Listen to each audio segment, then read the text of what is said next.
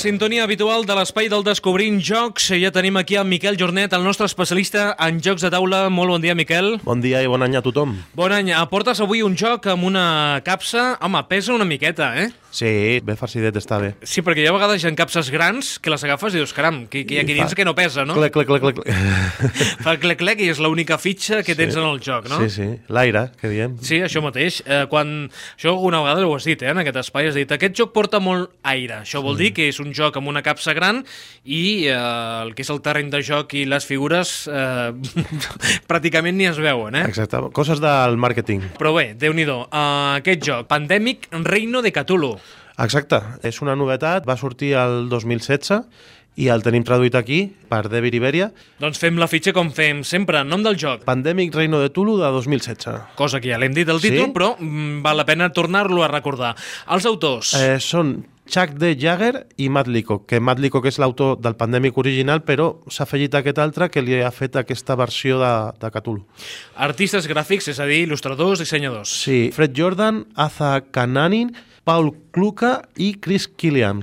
Uh, per tant, déu nhi eh? un equip uh, complet. Uh, L'editor, Eh, de Vir, número de jugadors, de 2 a 4 jugadors, l'edat recomanable, a partir de 14 anys, per tant, és un joc que requereix uns certs coneixements i una certa pràctica, temps de partida, uns 40 minutets. les mecàniques que hem d'utilitzar a l'hora de jugar, És un joc famós per la cooperació i entre el que s'utilitza, bueno, les mecàniques del, del disseny és eh, moviment punt a punt, gestió de mà, set collection, perquè has d'agafar cartes que et permetin després segellar portals, que això ja parlarem, i poders variables dels personatges.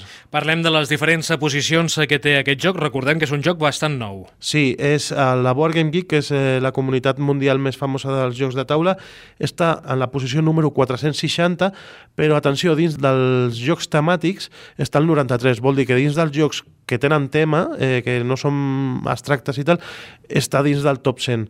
I la nota mitjana que té, valorat per la gent que ja el té i que l'ha jugat, és un 7 amb 6. Està déu nhi prou bé. està molt bé. El preu del joc, 39,99 euros, eh, recomanat. Uh, a qui agradarà? Agradarà a aquelles persones que busquen en el pandèmic original dues coses. Un tema més agraït que l'original per ser menys realista, perquè a vegades es, eh, jugar amb epidèmies mundials i que es van movent i que mor població i tal és una mica cru. Aquí el tema és eh, Tulu. I després també agradarà a aquells que busquen un temps mm, de partida més contingut que el pandèmic original però mantenint les sensacions de, del joc original. O sigui, en 40 minutets eh, has fet una partida i és bastant més ràpid. El pandèmic acostuma a durar una hora, una horeta i poc. Pandemic Reino de Cthulhu és el joc que recomanem uh, avui en aquest espai del Descobrint Jocs. Uh, un joc que, bé, pel que has comentat fins ara, ara ens explicaràs després una miqueta la mecànica del, del joc, agradarà doncs, uh, els habituals dels jocs de taula, eh? Sí, i fins i tot a gent que ja tingui el pandèmic i vulgui provar aquesta, aquest skin, no? Li han, li han posat una nova pell al joc i funciona prou bé. Los primigenios, seres de una inteligencia antigua e incomprensible, se agitan en sus vastas prisiones cósmicas. Si se despiertan y regresan a nuestro mundo, desencadenarán una era de locura, caos y destrucción que afectará al propio tejido de la realidad. Todo lo que conoces y amas sucumbirá a su demencia. Tu maldición es un conocimiento que las masas adormecidas no pueden soportar, que el mal existe y que es necesario detenerlo cueste lo que cueste. A medida que tus pesquisas te sumergen más y más en la demencia y el caos, deberás esforzarte al máximo para conservar la cordura. Al límite de la locura, tú y tus compañeros sois la última esperanza de la humanidad. Fa por, eh? Sí, sí. Llegeixes això amb la gent que estàs disposat a començar la partida Sí, i tensió, eh?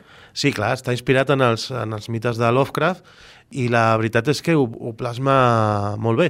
I el joc és un joc que també és difícil com el Pandemic normal, perquè tens diferents formes de perdre. Una és que tots els personatges es tornin bojos, que pot passar, per, perden la cordura i es tornen bojos. Una altra és que dels primigenis revelis eh, Tulu, que és, eh, que és l'últim dels primigenis que, que has de revelar. Eh, un altre que hagis de robar del mazo i no, i no puguis eh, robar cartes perquè s'han esgotat, com el pandèmic normal. Un altre és que hagis de ficar un cultista, que els cultistes aquí equivalen als cubitos de les, de les malalties al pandèmic original, que hagis de ficar un dins del tauler i no tinguis disponibles per ficar, també perds. I també una manera de perdre és que hagis de ficar un sogot, que un sogot és com un monstre que han afegit aquí, que això és diferent del pandèmic original, sí, el que tens tu ara mateix a la mà. D'un color... Verd, Verd sí. sí. Sí, és un ser d'una altra realitat, també, i que l'hagis de ficar, només hi ha tres, i hagis de ficar un i que no en tinguis a la, a la reserva i també perdries. I l'única forma de guanyar és eh, segellar els quatre portals que estan situats a quatre ciutats diferents de les típiques de Lovecraft, Dunwich, eh, Arkham, totes aquestes, segellar els quatre portals abans de que passi qualsevol de les altres condicions de derrota que hem explicat abans. Doncs uh, bé, m'ha explicat una miqueta aquest joc de, de Cthulhu. Les figures que venen en aquest joc, home, estan molt treballades, estan molt bé. Eh, exacte, sí, venen unes minis, venen cultistes també petitons, eh, els sogots que, que déu nhi impressionen, i després els personatges, que cada jugador tindrà un personatge propi i s'anirà movent en aquest personatge, i això també està bé d'un joc que per 40 euros, 39,99, mmm, que tingui les minis i tal, hem de pensar que el Pandèmic original eh, les persones són peons, de fusta. Aquí no, aquí si és un mag és el mag, si és eh, la periodista és la periodista i està prou bé.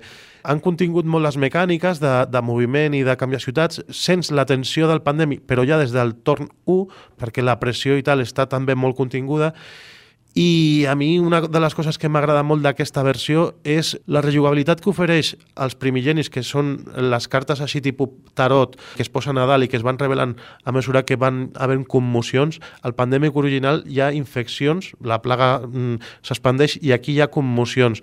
I cada vegada va revelant un, un déu primigeni d'aquests que et fa diferents putades, perquè aquí hi ha puteig, però hi ha puteig del joc contra els jugadors, perquè és un cooperatiu i cada partida és diferent perquè hi ha més primigenis dels, dels slots, dels, dels quadradets on, on caben aquestes cartes. O sigui, segons el configuris una vegada o una altra, perquè ho configures a l'atzar sense mirar què poses cara avall, doncs et sortiran uns deus primigenis o, un alt, o uns altres i poden ser molt decisius perquè guanyis o perquè acabis perdent la partida. Jo he, he jugat partides que hem perdut a l'última acció de l'últim torn i justament per, un, per, per l'acció d'un primigeni.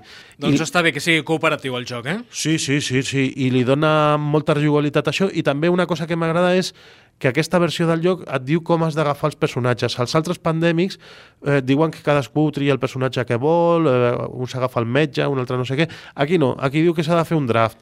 Dels personatges que hi ha, remenes les cartes i treus dos el primer jugador tria una d'aquestes dues cartes de personatge i l'altra queda disponible pel següent jugador que tria personatge, que si li afegirà una altra carta, aquesta que havia quedat pendent d'abans, i haurà de triar entre dos d'aquests.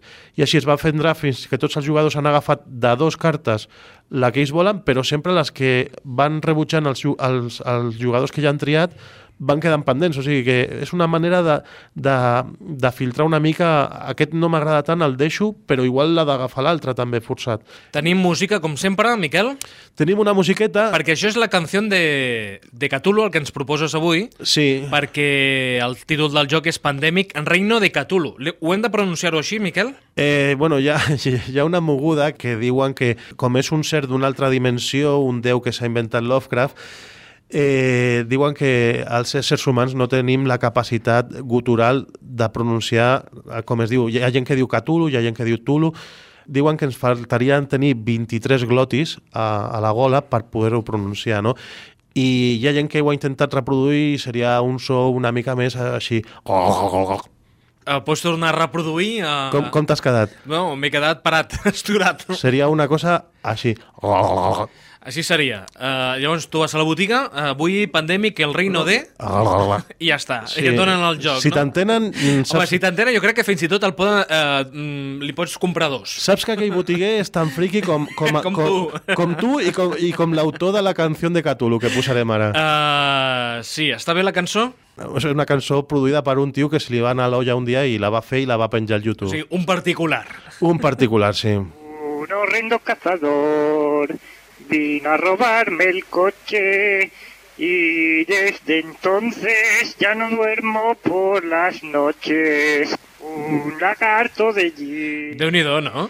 És així, cadascú fa una creació, eh, s'han alliberat els drets de Tulu, eh, de, perquè Lovecraft ja han caducat els, els, els copyrights i tal, i és un perill que, que tenim, que quan s'alliberen els drets eh, pot haver qualsevol persona que foti alguna cosa com aquesta.